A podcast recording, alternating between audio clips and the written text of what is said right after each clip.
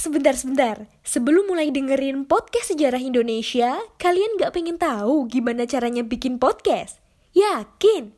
Gak susah kok. Coba deh download Anchor Podcast. 100% mudah, 100% gratis.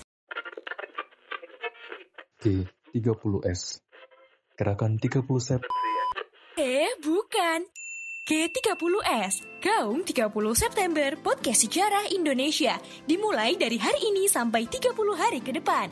Kalian bakal dengerin episode spesial dari kami. Penasaran kan? Pokoknya dengerin deh Podcast Sejarah Indonesia. Dalam G30S adalah Udah, Halo sahabat Poseidon, selamat pagi, siang, sore, petang, malam, hmm, dini hari, atau kapan pun itu. Bertemu lagi di podcast Sejarah Indonesia bersama saya Rosita Nur Anarti. Bulan September selalu mengingatkan kita pada satu peristiwa kelam di masa lalu. Ya, G30S, G30S PKI, Gestapo, Gestok, atau apa pun sebutannya.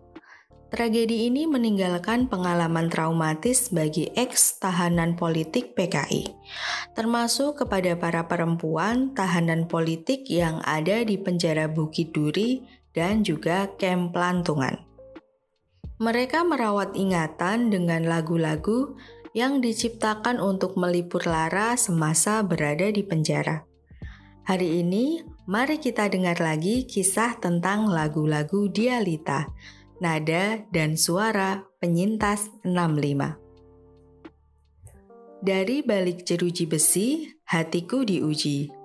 Apa aku emas sejati atau imitasi?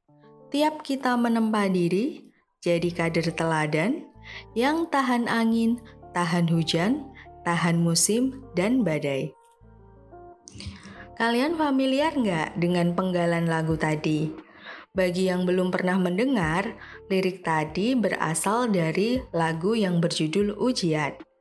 Gubahan Ibu Siti Yus Yubariah saat ditahan sebagai Tapol 65 di penjara Bukit Duri. Penjara itu ada di Jakarta.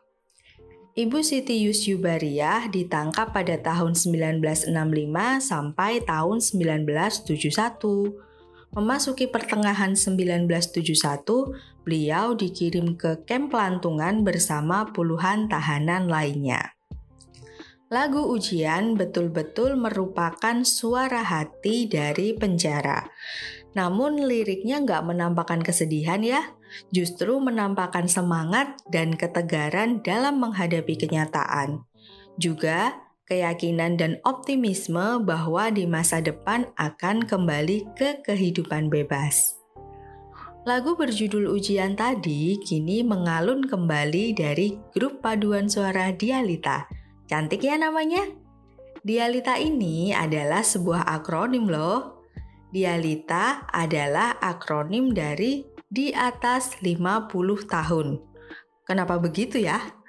Uh, karena memang ibu-ibu anggota paduan suara tersebut sudah berusia di atas 50 tahun. Dialita ini adalah sebuah paduan suara yang anggotanya terdiri dari perempuan yang memiliki kepedulian terhadap korban kekerasan sejarah 65. Di dalam anggotanya ada ex-tapol perempuan dan keluarga penyintas 65. Dua di antaranya itu ada Ibu Utati. Beliau ini adalah istri dari Pak Kusalah Subagiotur dan ada juga Ibu Mujiati. Mereka berdua sempat ditahan di penjara Bukit Duri selama kurang lebih 10 tahun. Nah, beliau berdua tadi dibantu sama Ibu Sudiami mengumpulkan arsip lagu-lagu yang banyak dinyanyikan di penjara, kemudian menulis ulang lirik-liriknya. Kok harus dikumpulin ya? Dan harus diulang lagi untuk tulisan-tulisannya? Memangnya dulu tidak ada catatannya ya?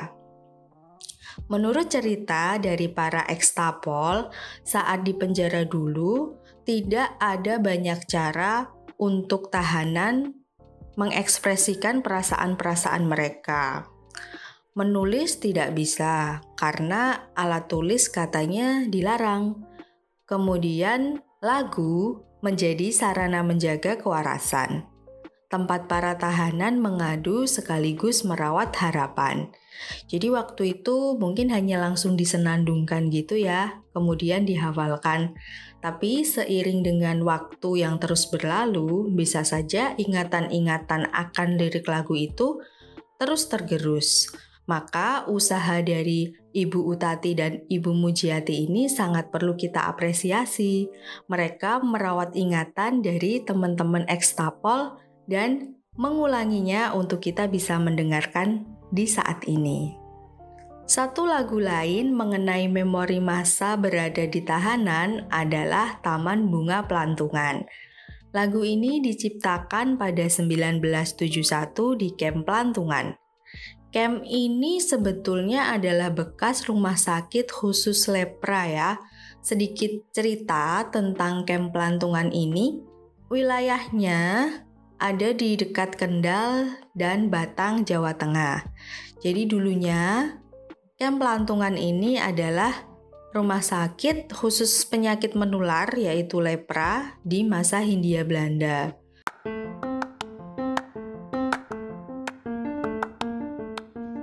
Halo Sobat Poseidon, kalian pasti sudah tidak asing lagi dengan Anchor. Yap, aplikasi penyedia jasa untuk para podcaster pemula dan juga pro.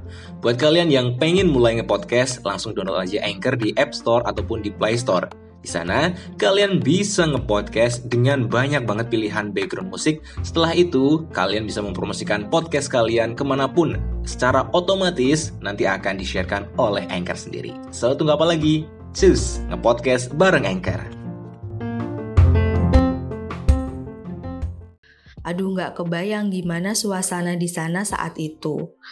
Ya ngeri, ya sedih, dan tidak menentu.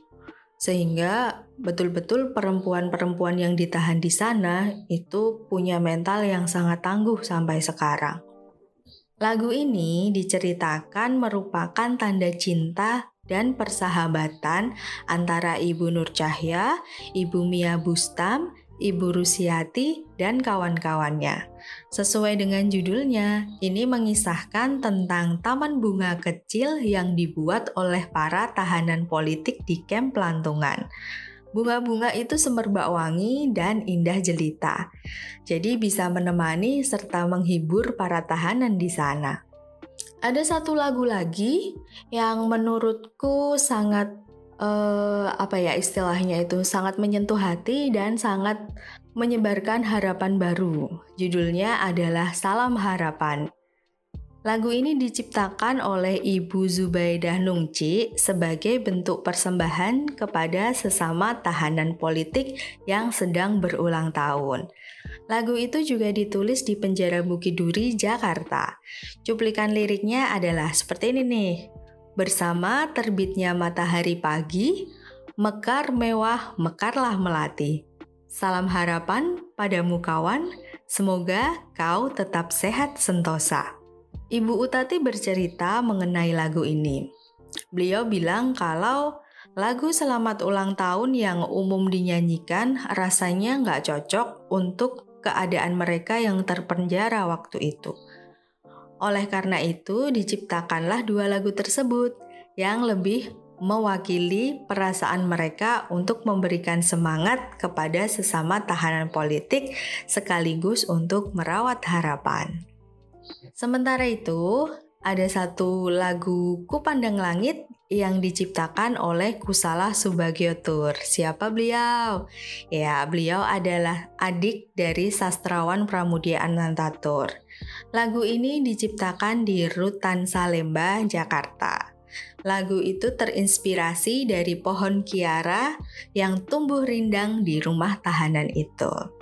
Ibu Uci Kowati, salah satu anak Tapol 65 yang juga anggota dari grup musik Dialita, bercerita bahwa pada saat peluncuran album Dialita bertajuk Dunia Milik Kita, dia banyak memperkenalkan lagu-lagu Dialita pada para penonton. Beliau bilang bahwa lagu yang biasa mereka bawakan merupakan lagu bisu. Loh kok bisa ya lagu bisu? Kan seharusnya lagu ada nadanya, ada suaranya gitu. Tapi Bu Uchiko kemudian menjelaskan kalau lagu yang dibungkam itu tidak boleh dimainkan pasca 65. Makanya ia menyebut lagu itu adalah lagu bisu. Tetapi beliau juga cukup senang karena pada tahun 2016 lagu-lagu tersebut bisa dinyanyikan lagi saat peluncuran album Dialita.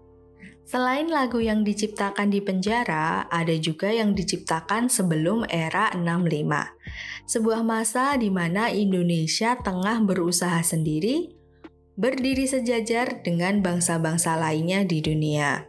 Lagu-lagunya misalnya adalah Viva Ganevo, ciptaan Asmono Marto Dipuro, ada juga Padi untuk India, ciptaan A. Ali, Ngomong-ngomong kalian pernah dengar tentang Ganevo nggak?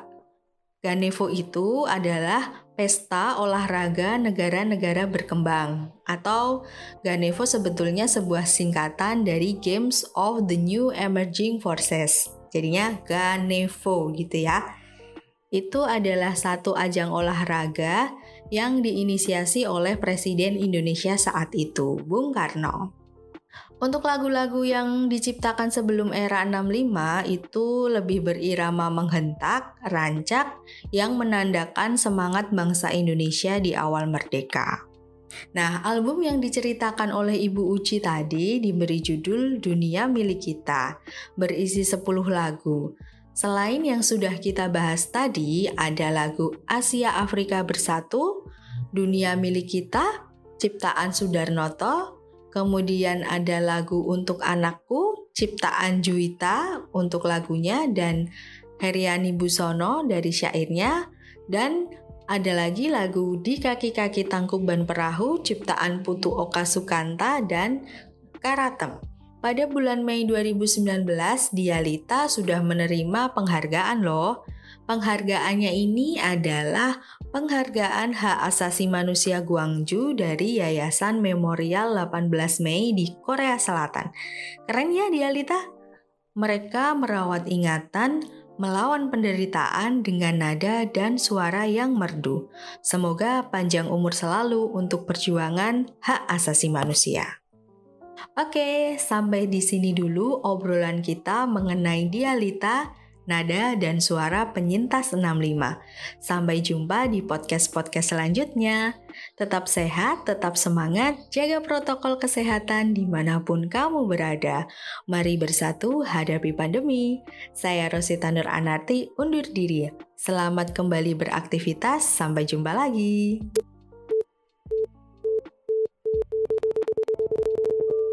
Terima kasih